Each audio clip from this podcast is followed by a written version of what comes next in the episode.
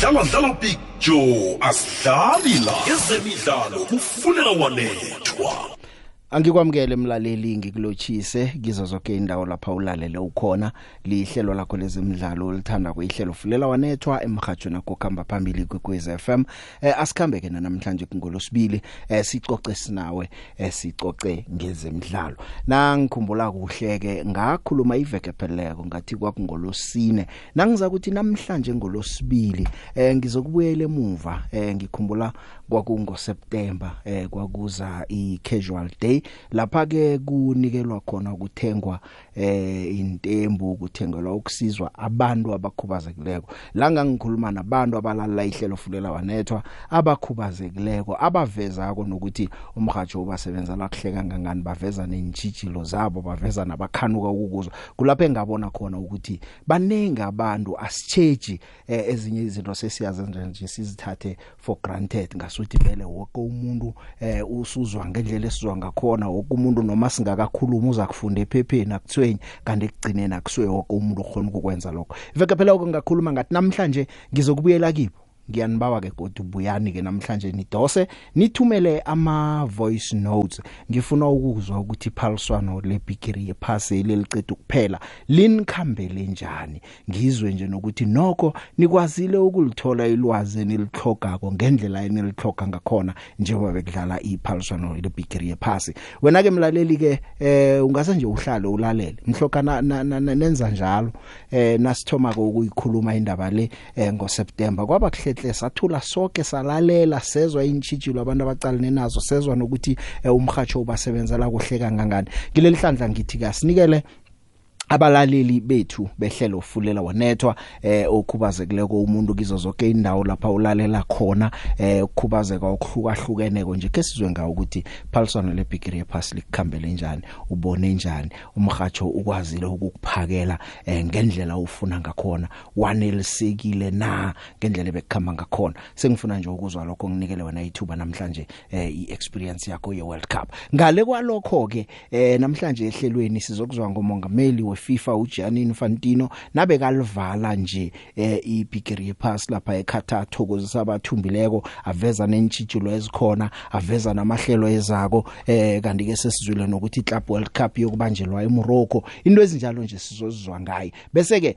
siya reseta ke siwela mva siyaqala ke siyakhumbuzana ukuthi konje ekhaya phana kuyokuthoma ibigiri yephasi kwakujame njani ku DStv Premiership? Nokuthi imidlalo konje iyokudlala njani ukusukela nje njengoba kungasikade nje emalangeni angaba eh lithoba bunane so eh, ayathoma iyathoma imidlalo godu ngaphasi kwe DStv Premiership hlelo fulela wanetho wahlala nami ke eh, ubeke indlebe ngiyakubawa ke mlaleli lapha ukhona onokukhubazeka ngendlela nje noma kunjani eh abakuthwenyi ngena ukhulume nathi usitshela ukuthi iphaliswano lebigiri yephasi likukhambele njani umhajo ukusebenzele njani vela emkhanyweni ikwekwezi fm khona dlala big joe asidlali la. Ezemidlalo kufunela wanethwa. Ababusema singasho ukuthi asiyilandeli Morocco. Veli ke singayilandeli vele. Noma ingawina noma ingewini noma ingadliwa akukho la kubhlungu khona kunendaba na? Ngoba iphoqwe isimo ukuthi kuthiwa eyase Africa kodwa bona ngokwabo. Akubona abase-afrika uma bekhohlisana bebodwa. The big the big. Lalela ke mfo. Baningi abantu abakhuluma ngokuphikisana nemorocco ngezizathu ezingazwakali. Baphoqwe nje isimo nakuthi-ke abazi ukuthi bengenza kanjani basusa imorocco bayise emazweni aseyurophu. Okusalayo iqiniso elingabhekiswi morocco it's an african country because it's situated in africa. Sithanda singathandi imorocco yase-afrika ma-south africans. Ah singabi nomona. Fulela wanethwa. Ikwekwezi fm middleburg namaphethelo 91.8 fm Namhlanje ke mlaleli International Cricket Council iICC ngokuhunyezweko eh ilisolile itatawu lapha eBrisbane iGaba Cricket Grounds eh ithole idemerit point eyodwa. Ngemva komdlalo obonakele ngempela veke wetest phakathi kweSouth Africa neAustralia umdlalo lo uphele ngamalanga amabili test ephela ngamalanga amabili. Bathi lela tatawu alisesezingeni ekungilo eh itatawu lake iAustralia ke iwinile ke lapha eh ya ya angazi mhlawumbe ibhethe engconywana kunama Proteas noma kukumbi njalo eh bebuhlaza utshani. Ucaptain esichema seSouth Africa uDean Alga eh uyatsho nje ukuthi ayikhona ayikhona ayikhona eh ngasuthi lapha bekungakaphephi nokuthi bangadlalela khona. Manje ke ke eh siyazi ke ukuthi iICC nayikhamba iwahlola amatatawu ekudlalwa kiwo icricket. Itatawu lathola ama demerit points amahlanu bayakwazi ukulisuspenda for unyaka wonke ukufikela eminyakeni emibili nalithole ama demerit points alichumi bese ke akudlalwa kilo.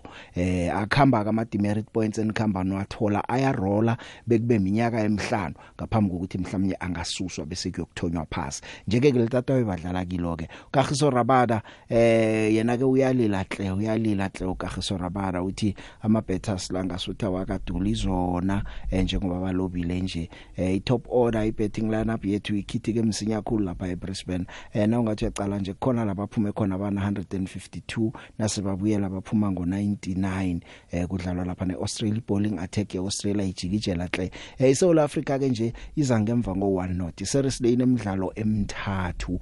Eh, ibetshwe nga 6 wickets emalangeni amabili egaba ngempela veke nje. Eh uRabada uyatsho ukuthi mani isichemesi nokho abadlali basesebatsha nelemuko lisathlayela eh kumele nje basebenze. Eh uyatsho ukuthi noma ke ibetting order ingasebenzi kuhle kodwa nakunamuntu ongena lapha yokujikijela bese nje umane ukhithiza ama wickets ngabomu kutsho ukagiso Rabada. The batting lineup that we have is quite inexperienced. In fact, the team that we have is r- relatively inexperienced. If you look at um, other cricketing nations around the world. Um, Dean Alga is our most experienced um, player, and then followed by, I think, myself and, and Temba. So, and I've played 50 odd test matches, and everyone else has, hasn't played much. So it's, it's, it can get frustrating as well. And whe- when I say frustrating, uh, I don't mean to single out the batters. I mean, it's frustrating as a team. Um, and you almost have to understand that sometimes this is what happens in a rebuilding phase. Well, uh, the one thing that we possess as South Africans and as a South African team, and what South African teams have always possessed, is that we will never go down without a fight. Although Australia needed 34 runs, um, getting a whole lot of stick from the crowd, but we we've come out here to play. It doesn't matter doesn't matter what the situation is. We'll always um, go down fighting, and that's what we try to do out out there. Well, the one the one factor is belief. You have to have the belief first of all. If you don't have the belief, then I don't think uh, we'd be able to go out and produce performances like we have, especially in the past as well. Um, so that would be the first factor. And also, we understand that no one's going out to the center of the wicket looking to throw their wicket away. Um, you have to understand that, but I would say it's all down to belief, and I think we have the belief. Nguye ke uKagiso Rabada eh uyatsho nje ukuthi isicheme sasinale mkukuhle bafuna nje ukuthi babe nesikhatshana bakwazi ukujayela ukudlala ezingeni lenithabachaba eh ukutsho lokhu ngemva kokuthi ke balobile. Kanti ke ungakhohlwa umlaleli ukuthi test yesibili yeseries le eh iyokudlalwa eMelbourne Cricket Ground yokthoma ngomhla ka26 ku December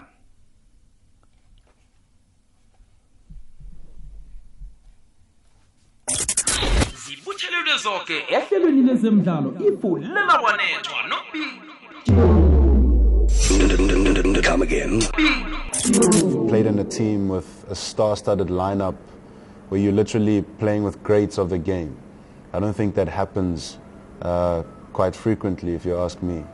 And now the situation that we're faced with, um, there's just a whole lot of players who've, uh, who've come in, who have the ability, but need to get used to the international uh, uh, uh, circuit. So um, it, there, needs, there needs to be an element of patience and understanding, but at the same time, um, you, you can't, you know, be advocating for bad performances. Um, however, we're quite positive.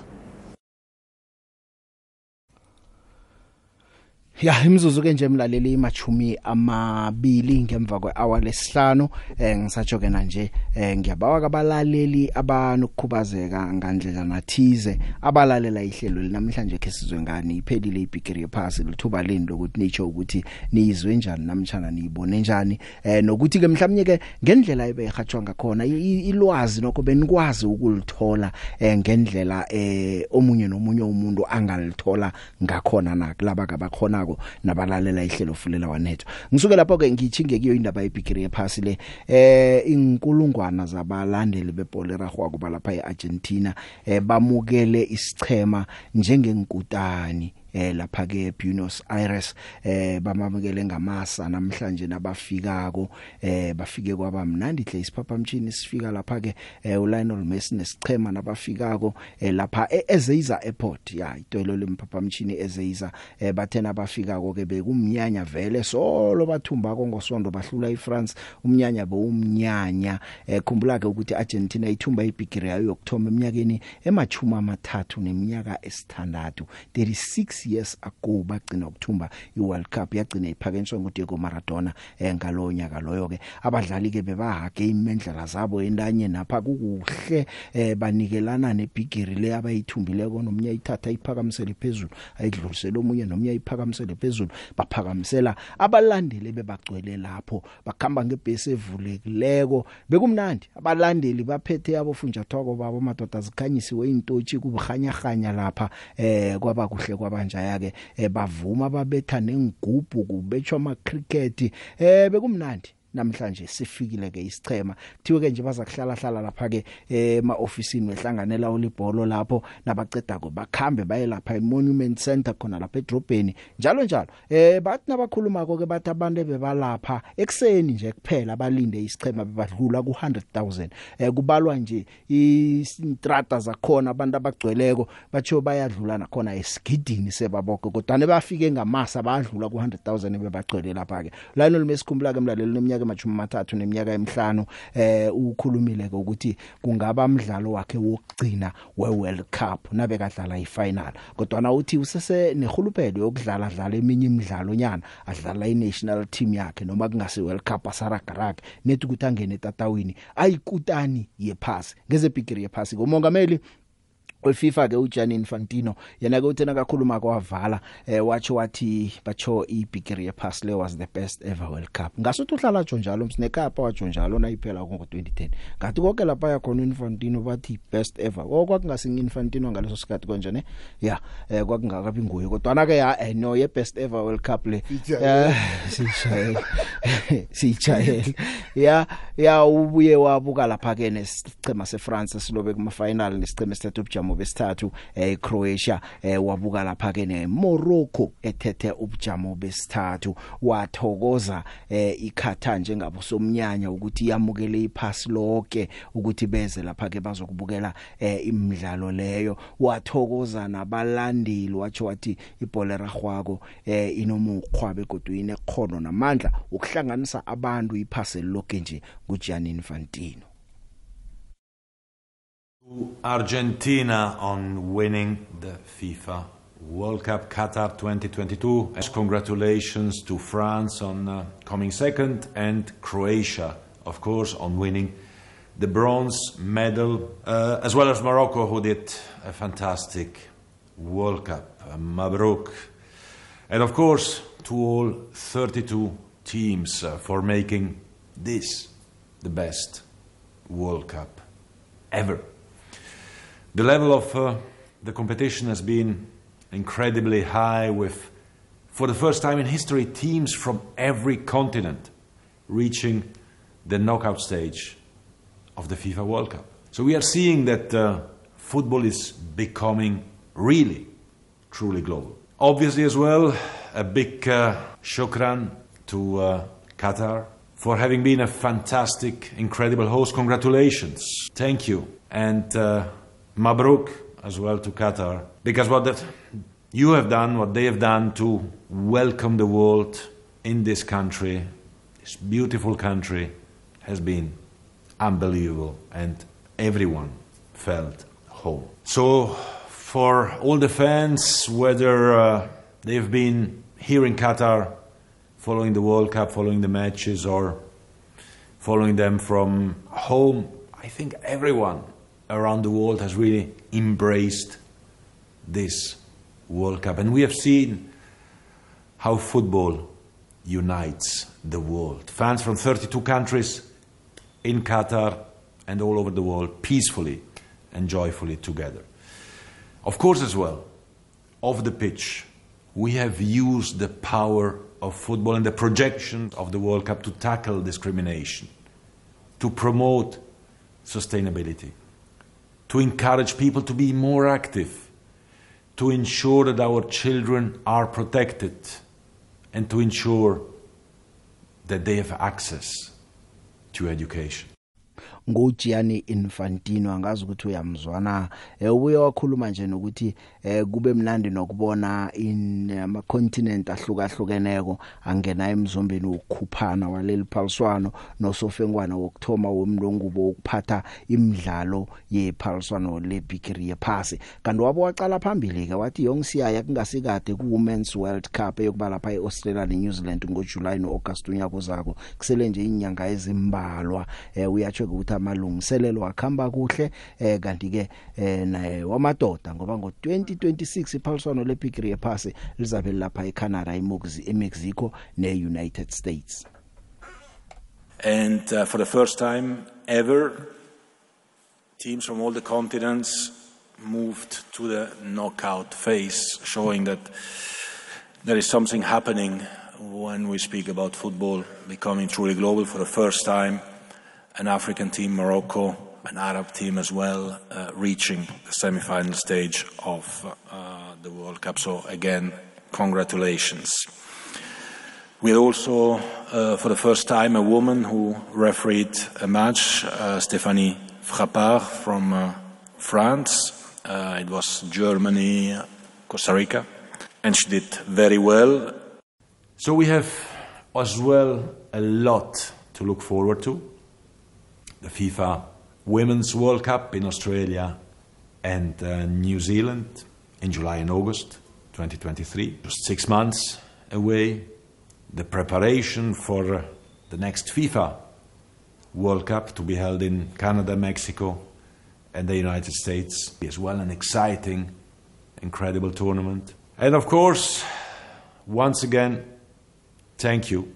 Thank you to everyone who has contributed to making this the best FIFA World Cup ever and for showing that football unites.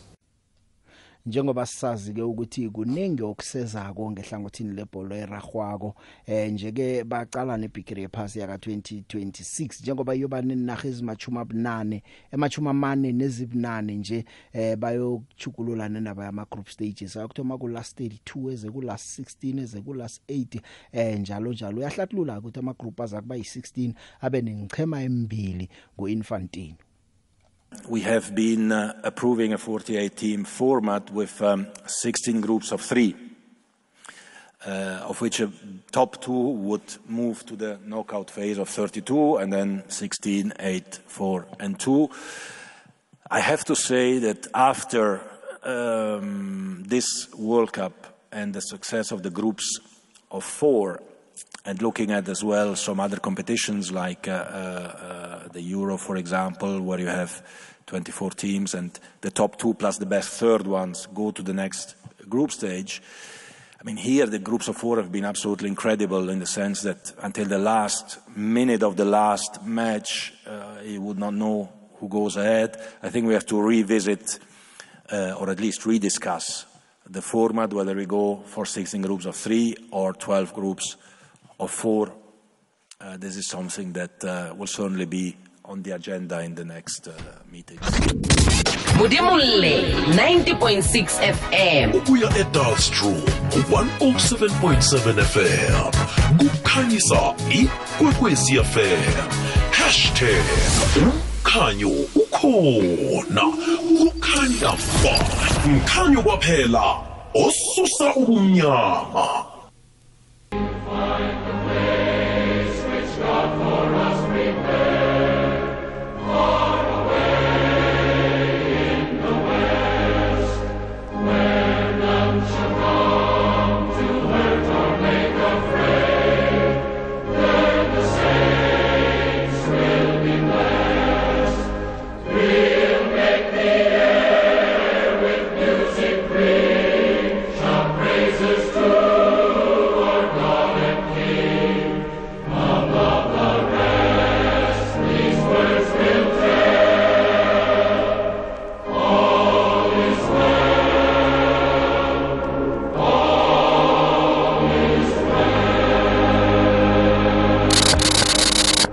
ezikhamba phambili zemidlalo. Fumana zemidlalo zitshisa nobig joe.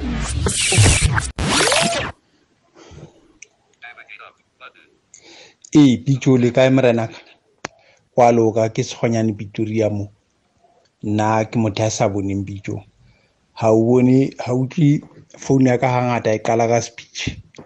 Ha ke bua e qala ka speech.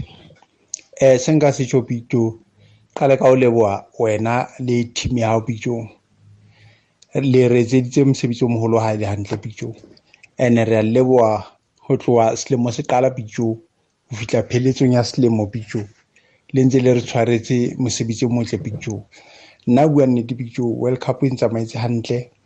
Mm eh ha ile hantle pitso e ntsamaetse hantle eh, world cup hobane ho la etsa dimaka pitso di dihlopha tse kapa dinaha tse ne re lebeletse hore di tla fihla finaleng tse ding tsa tsona or di semi finaleng ha di a fihla like bo Brazil eh le tse ding pitso jwale mm ho ya ka nna ke bona e tsamaile hantle haholo pitso and then ke lebise le sehlopha sa ntho e ne sa sa Argentina ka ho phamisa mohope pitso and then le France e itikile. Haholoholo ke bile buise le Morocco pitso ha e kgone ho fihla semi finaleng ha di ngata dihlopha dinaha tse tse etsang jwalo. Ha di ngata pitso eh haholoholo tse hlang Africa pitso so ke lebohisa. Morocco eh e representile Africa hantle pitso and then Senegal eh le tse ding pitso ke a ke a di lebohisa le tsona hoba di kgonne ho ya kwa. Qatar. Ke a di lebohisa haholo pitso and then eh ke a leboha pitso the way le re tshwaretseng eh tsa dipapadi ka teng le World Cup ntse le re beya leseding ka teng. Re a leboha haholo re le batho ba phelang ka disability pitso re leboha haholo pitso eh mdimaletse hantle le je di Christmas hantle pitso and then le khutle le matlafetse le mong se tlang hobane re tshepile lona haholo pitso haholo holo rona batho ba sa boneng pitso eh re tshepile wena ha ile hantle hore fatsa dipapadi pitso and then le bokamela re re a leboha pitso re a leboha haholo man. Re a leboha re a leboha kukwetsi kgotso e phapato Big Joe unjani ulungisanwa kampungose lo Big Joe ngithi angibongela uLionel Moye Messi neArgentina Big Joe ngokwini World Cup. Kakhulukazi uLionel Messi nje ukuthi ekugcineni uyitholile iWorld Cup. Ngiyambongela kakhulu. Nengcindezi izokethu ukwehla kuyena. Ngoba bemplace kakhulu abantu baseArgentina abantu nje bomhlaba wonke bemfuna iWorld Cup. Ngiyambonga ngiphinde ngincome nocoach Lionel Skorani. Hawu uyakhoja loya muntu. Ukhombisile ukuthi uyiqhawe impela.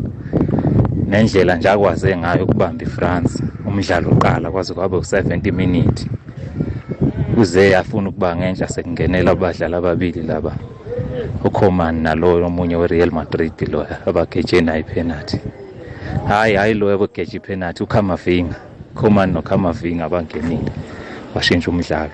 Cha ucoach ngiyambonga. Ngiphinde ngibonge futhi ukuthi athi iFrance ibuyile ayigcinanga ngalo yathunile. Makube nje ucoach ukwazile ukuyiklinya kwaze kwaphela umdlalo ngawo lo yathunile. Aba abantu abazonda uMessi ngabe bakhuluma kakhulu Big Joe ngabe bathi iFrance imphile uMessi World Cup ngabe bathi yenze ngamabomu ibingamaki ibingayi ngoba ibimakile. Yes, the page nkululeko nzinisa ngaphangelisa Big Joe uh, mina ngithanda ukusho ukuthi hayi no SABC ubambe kahle imidlalo le ye World Cup Big Joe um bekumnandi Joe as, as usual thina abanye besidependele kuyishow yakho cause um i-TV ayis-accommodate Joe uma ungaboni i-TV ayi-accommodate i-challenge beyi-one Joe imidlalo uma ngabe idlala ngabo 12 3 sometimes ngabo 5 eminye imidlalo bingasakazwa siyazi ukuthi manisakaza yango-9 yango-5 aneyisakazi so i-challenge beyukuthi kuthina besingachoose bemele silindele i-radio isiphe imidlalo. Uma ingasinikanga we have to wait for ifulela wanethu ukuthi isi-update picture unlike mawubuka e-tv mawukhokha mhlawumbe unabo DStv onke amagame bewasakaza. So kuthina bekungekho optional. Bemele silalele lokho okukhona emsakazweni and i-challenge picture nonke manisakaza eMorocco uyothi umuvela kwesinye isiteshi everywhere it's Morocco. It's not like ukuthi uzothola maybe makusakazwa eMorocco ngo9 kukwekwezi ku radio 2000 uzoyithola igame maybe yeCroatia ngabo 5 that was the only challenge big, big job but otherwise i know. Thanks a lot to ifulelo wanetho. That's why picture we always ask sicela ukuthi ishow ngathi nga-edelwa ngo-30 minutes because si si sidiphendele kakhulu kuyona picture eh sithokoze. Lotshani brachu ubambe muzi eh kamhlushwa eh brachu eh overall nje angisho nje ukuthi ngijabule kakhulu. Eh i World Cup ngi experience ngendlela lehlukile kulomnyaka eh kube kwecala bracho eh ukuthi ngilalele i World Cup kusukela kumdlalo wokucala kuze kuyoba umdlalo wokugcina ngilalele eh stage sinye lokuyikwekwezi FM eh kunye into lebengingathanza ukusho bracho ke phangenxa yesikhathi ke eh angisho nako ifulela wanethwa bracho eh kunento lelenhle lendile kulomnyaka eh the passionate debates lebesiba nawo elihlelweni eh ikakhulukati nakukhulunywa ngamacembu ase-Africa akwatile ku-create leyo hype around games that would otherwise not generate much interest eh eh bracho kulamanye ama World Cup leminye imidlalo na ungasibuta ngayo nje bese nganendzaba nayo ngoba beyingathengiswa ngalokwanele. Kepha ke eh eh le debate lebeyikhona ngabo Morocco nabo Ghana uthi bathini bathini beyenda ukuthi sibe interested futhi ke sibanikete attention emidlalweni yabo. Sifune ukubona ukuthi kuhambe njani? Ngoba phela le hlelo lisiniketa iplatform yokubuya ngemsombuluko nangabe bekudlalwa ngeweekend. Sibuye sicoca ngaleyo mdlalo. Ngicabanga ukuthi umsebenzi ube muhle kakhulu brajo kufulela wanethwa. And eh brajo ngicela ukukhuluma ngagamela. Eh lo bootman eh what an analyst. What an entertainer. What an african man. Brajo ukulenye level kamela uvakala njengemuntu lebekufanele abe ngithishela eh eh brajo ngiyacabanga nje ukuthi kufanele abe i-benchmark eh nakukhulunywa nje eh baphathi ukuthi kufuneka i-analyst eradweni ngicabanga ukuthi kuyofuna bafune umuntu lo understander eh ngendlela ikamela la understanda ngayo. One bracho ngicela kubala lokumbalwa lengikuthandzako what sets him apart? Ngiloko ukuthi i-honesty kwecala nje eh akasabi kubeka umbono wakhe noma ngabe uhlukile elinyentini eh ku-majority. Kwesibili bracho i-analysis yakhe iku level yemlandzeli. He's not too technical naka naka analyze uyabona lamanye ama analysts bakhuluma nathi ngathi bakhuluma nabo coach noma mhlambe bakhuluma nabadlali belibhola. Ngicabanga ukuthi kusifundo lekufanele basithole ama analysts lamaningi bracho and eh i-voice projection yakhe bracho eh iyangisebentela mina kakhulu bracho nakamemeta athi beyihlezi leya noma ayiliswa leya bracho ngithola ngecele etulu lapha ngisho ngithi hey nkosi yami. Naba abantu basilisa nakasho nje ukuthi ayikhona umlo yayikomo bracho kuyangisebentela and lapho nje ungi-accommodate kakhulu njengoba vele mina i-TV ngingakwadi kuyibona ngicabanga ukuthi brajo gamela eh the best thing engilengiyivile ku radio kulomnyaka eh gamela ngosiyami ngiyamnika leyo award. Eh kube mhlambe nami nginemandla bengitamkhuphulela ngale holweni. Eh ungendela umnyaka wami ibhola imnanzi kakhulu nakunagamela bracho ngiyabonga ngicolise kuba muthi. Phila njengomuntu osemkhanyweni ngombana mkhanyo oletha ukuphila. Dlala dlala big joe asidlali la. Ezemidlalo kufunela wanethwa. Ahake mlaleli siyaraga ke nehlelo. Eh ya siyayizwa imbono. Hey ngiyakhanuka ukuthi ngathana ugamela ulalele azizwele nje. Eh ya umuntu bathi unikelwa ama roses wakhe saphila eh ugamela angazi ngingathini abangifuni nokungezelela ngifuna ukuphungula kodwa na imisebenzi yakhe emihle eh bakhona abayibonako bayayibona. Eh ngikareka nakathi akakhulumi nabalaleli ngathi ukhuluma necoach. Ya ngoba ke sisikhathi vela now analyze kwabanye umuntu ugcina sekazikhohliwe endoda akhuluma ama system wonke akhulume ngama diamond akhulume ngani ngama formation akhulume ngama blind spots nangama overlapping ama blind runs.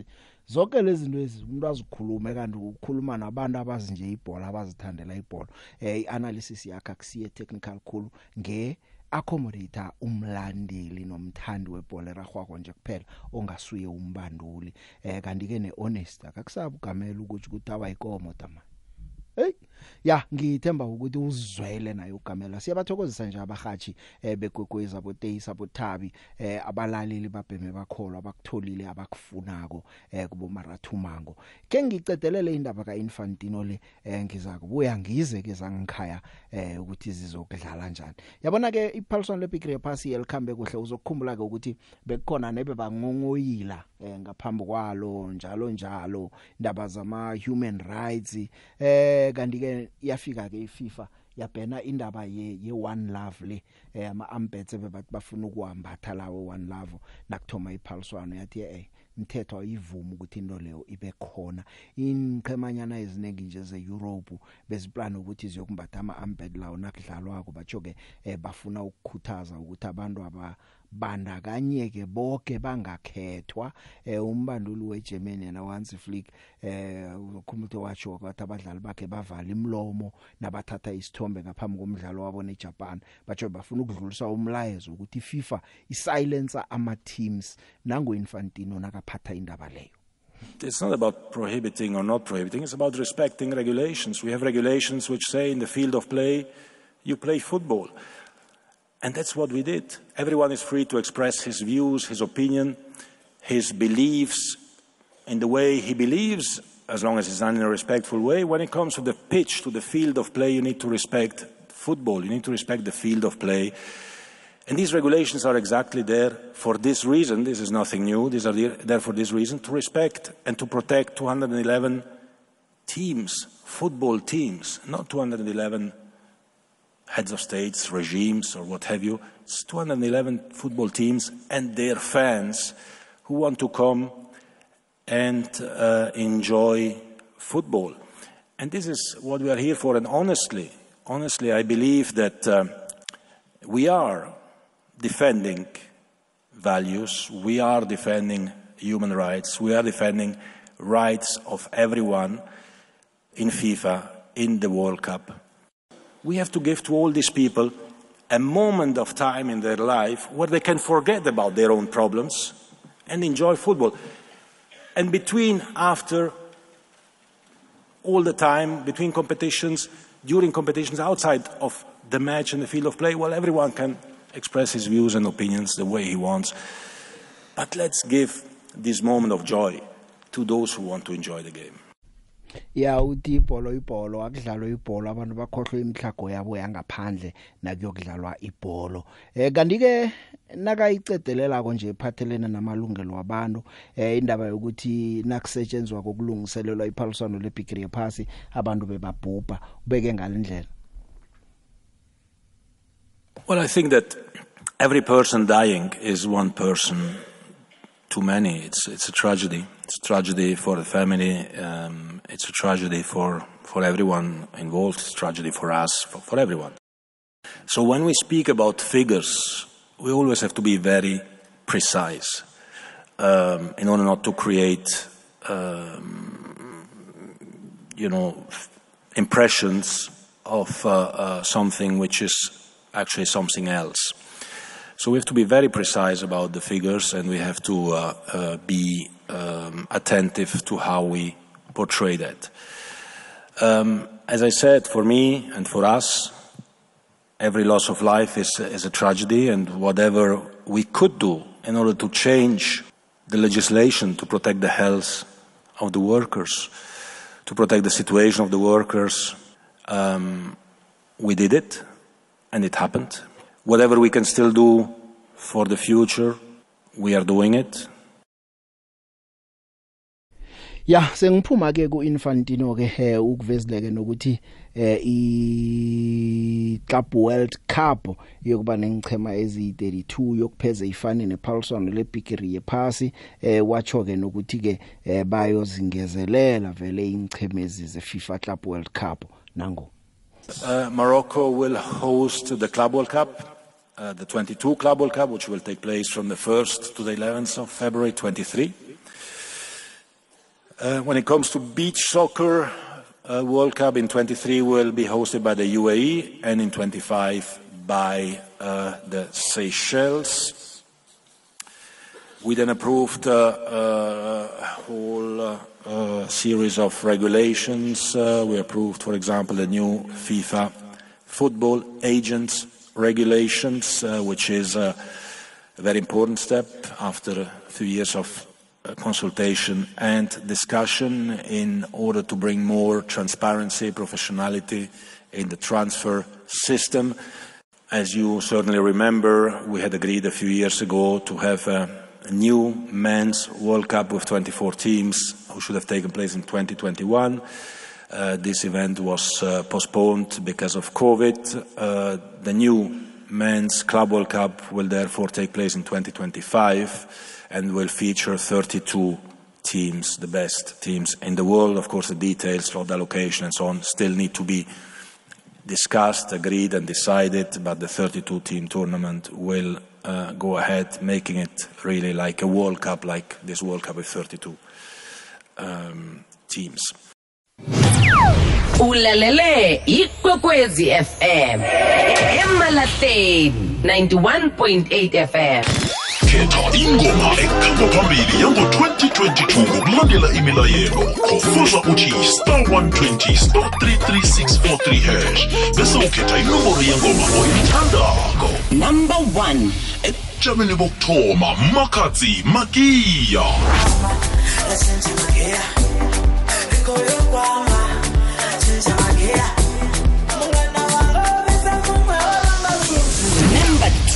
ebujameni besibili dlala regal mpulaye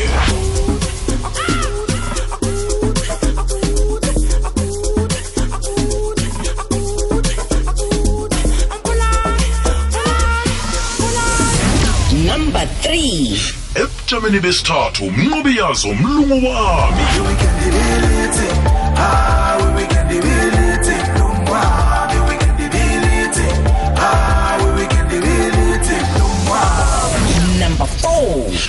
ebujameni besine nobuhle endemthuda jerusalema.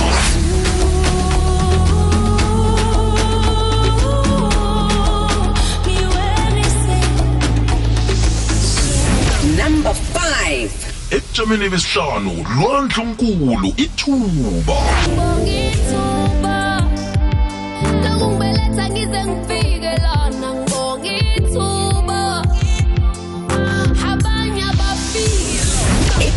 phambili kukwekwezi fm hashtag yisamanyamambala kunemigomo nemibandela. Dlala dlala picture asidlali la. Ezemidlalo kufunela wanethwa. Picture ngithanda ukubingelela ehlulweni lakho lezemidlalo. Okhulumayo ubuhle ngongaboni angiboni emehlweni.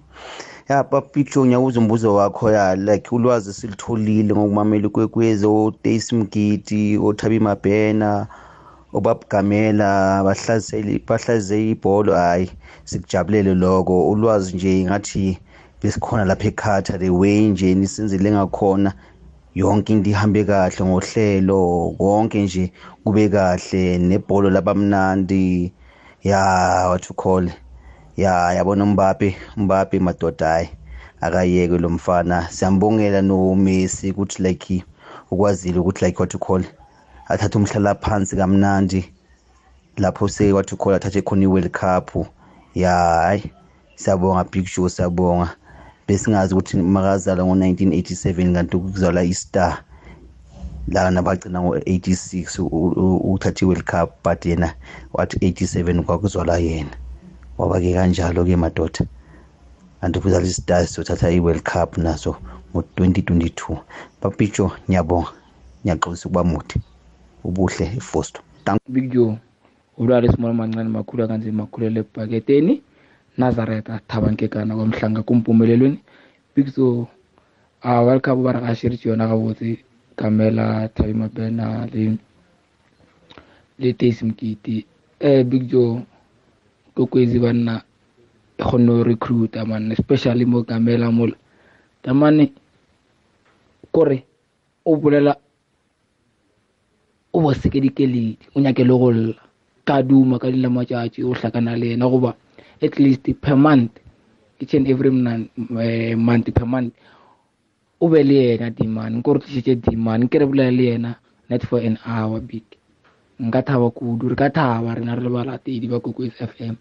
Picture ngiyathokoza mfowethu umbereko wakho muhle usipha nesikhathi sokuthi sikhulume nesikhathi sokuthi sicomplimente ababereki bekokwezi.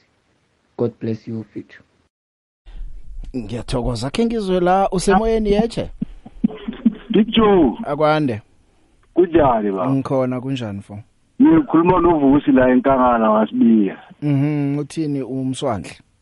Eh uvusi umswandle uthi yabona endabeni kaGamela dala ngilifuna lethuba la kaGamela le. Yeah endabeni kaGamela yabona uGamela picture ya analyze kamnandi mm. Net bese sibuye saphikisana.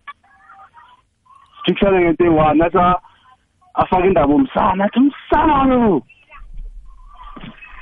uyamthola picture ya ngiyakuthola mara ke i- into namhlanje ebesiyenza besingakhulumi ngogamela ne ukuthi mhlambe si analyze ukuhatsha kwakhe nani nani. Mara ke ngiyakuzwa ukuthi uthini ngoba vele enye nenye into na uyenzako empilweni ungayenza kube khona lapha mhlawumnye omunye umuntu ingamhlaleli kuhle njani njani. Wena wala net nakathi umsana. Ya yazi lethi nakathi umsana lo athi athi bese bese ukhuluma nangendanga athi hey indanga akhuluma nangendanga athi bajuliliswa yini wena usolana kanti akhuluma ngendanga nomsana ngoba umsana msana mos. Yazi yazi ngitholani eh mina ngigabe suthi eh, amagawa lusa inkomo lekhaya. Hey mana yenza into leyo. ngiyoke indlela enandisako wena ungayisola njalo kube khona abahleka lokho vele. Ngoba batsho amagawa alusa inkomo ekale Eh amagawa lusa inkomo lekhaya umunye athi mana amagawa bomna kwethu ungatsho njalo yonke ngiyathokoza ngiyathemba uyakuzwa. Thank you baba. Sure. Usemoyeni yeche ngokunjani gogwele siyaphila njani nini ya udr kaphe azungu famina ngibonga ikwekwezi ngokusirhatshela umdlalo we-world cup kamnandi. Sawuthokozela ngathi siwubukele ngamholo basirhatshela ngakhona nanihlabele phambili kanjani siyathokoza Ama- nathi ngiyathemba bayezwa bayakhuthala nangelilanga noma sekuthoma i-PSL nje baza kuthatha ngamehlo omkhumbulo bakubeke ngaphakathi etatawini. Singathokoza kanjalo kakhulukhulu gamela ngiyathokoza. Thank you usemoyeni yeche eh Sipho? Akwande baba. Ngivukile ba? Kamnandi kangangani? Ngamahle nangusitamze kamarafiyat aha. Iye ngibuyile picture ke ngangena iveke pheleleko ngakubikela ukuthi mina ngimuntu ampuri ohlala asendleleni ngombereko ngiya-ubara izento zama-uber namabholi manje no eh ithuba lokuthi ngibukele i-world cup kenge ngibe nalo. Mara i-world cup ngizwe yonke okusuke ekuthomeni toto ekugcineni. Ngosondarha ukuthi kuwine ini ngizwile kuhlelo ifulela wanethwa ngibawa ukuthi ikwekwezi f m no-big joe ubiziwe nophushaza la nithatha khona kuqhubekele phambili. Sithokoza kakhulu kuza kuba njalo. Iye ngoba eh, thina sihelebheke khulu mani sihelebheke khulu. Sisahelebheka sisazokuhelebheka ngiyathokoza baba. Thank you ba ahake mlaleli nje kungena indaba ihlelo zibuya nabazumi alizokuba khona. Ngicabanga ukuthi sikase sidobhadobha imzuzwana ngale kwendaba ungachiti sisaya endabeni siyabuya.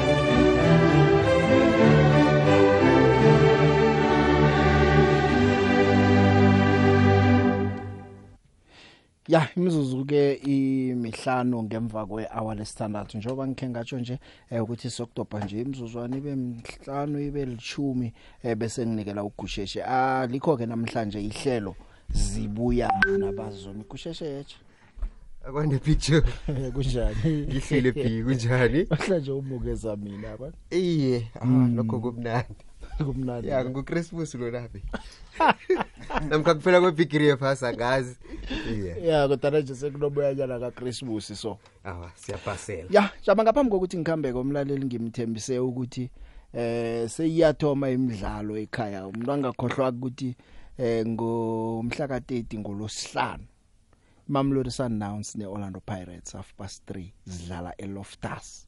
Bese kuzokuthi ngo half past 5 ntambama eh kudlale lapha eCape Town City idlala neRoyal AM eh iStellenbosch sidlale nesicema seChipa United khona ngo half past 5 ngolosihlanu Maritzburg United idlale neTS Galaxy ngo half past 7 iSuperSport United idlale neMarumo Gallants ngo half past 7 ngomgcibelo nge31 zaka December eh kuzokudlala iGolden Arrows neKaizer Chiefs ngo half past 3 eRichards Bay. Idlala neSwallows ngo half past 3 nayo bese ngo half past 5 isikhukhune idlala namaZulu. Ngemva kwalapho ke imidlalo eh, seyiza kubuya eh, ngomhla ka3 kuJanuary kuzabe kungolosibili. Semidlalo ekhaya ngikukhumbuza ukuthi siyabuya. Sisazayicala ke nelogo. Emalangeni ngikukhumbuze ukuthi konje zagcina sihlezi njani abantu ngasuthi bakhohliwe ukuthi zakhamba njani. Sizina kusikade ithomile eh nokuthi ngikutani ze MTN 8 bobani? Kusheshe uyazi ukuthi ngibaphi? Konje bobani World Cup ladies nakhohlwa yokina Hey, konke kusho ukuthi nasami ucela isiqhema konje ukuthi kunamba bani ngikhohliwe nje. Sakho ne iye. Ngisiphi? Ngibuza ngimsinya ngikutshele. Nangabe sakho sikho hayi ngiyidle amaboy mina. Uyidla amaboy chiefs Iye. ik number 4 awa. Ik number 4 akha ke kusheshisa ngikutshela nomlaleli eh siza kuchecha kusasa. Umlaleli ngimkhumbuze nokuthi isichema zijame njani. Kanti ngibuyele lapha ku MTN 8 inkutani ze MTN 8 kazi isichema se Orlando Pirates kusheshe Leyo Orlando na- Pirates yabe thamazulu ingilahlekele ngabomi emkhumbulweni. Ezinye izinto fanele Oh, uzikhumbule ilahleke ngabomi. ilahleke ngabomi Ngithokozile kusheshe nomlaleli lisale kuhle ngisakubona umlaleli kusasa. Kama kuhle bhisi yathokoza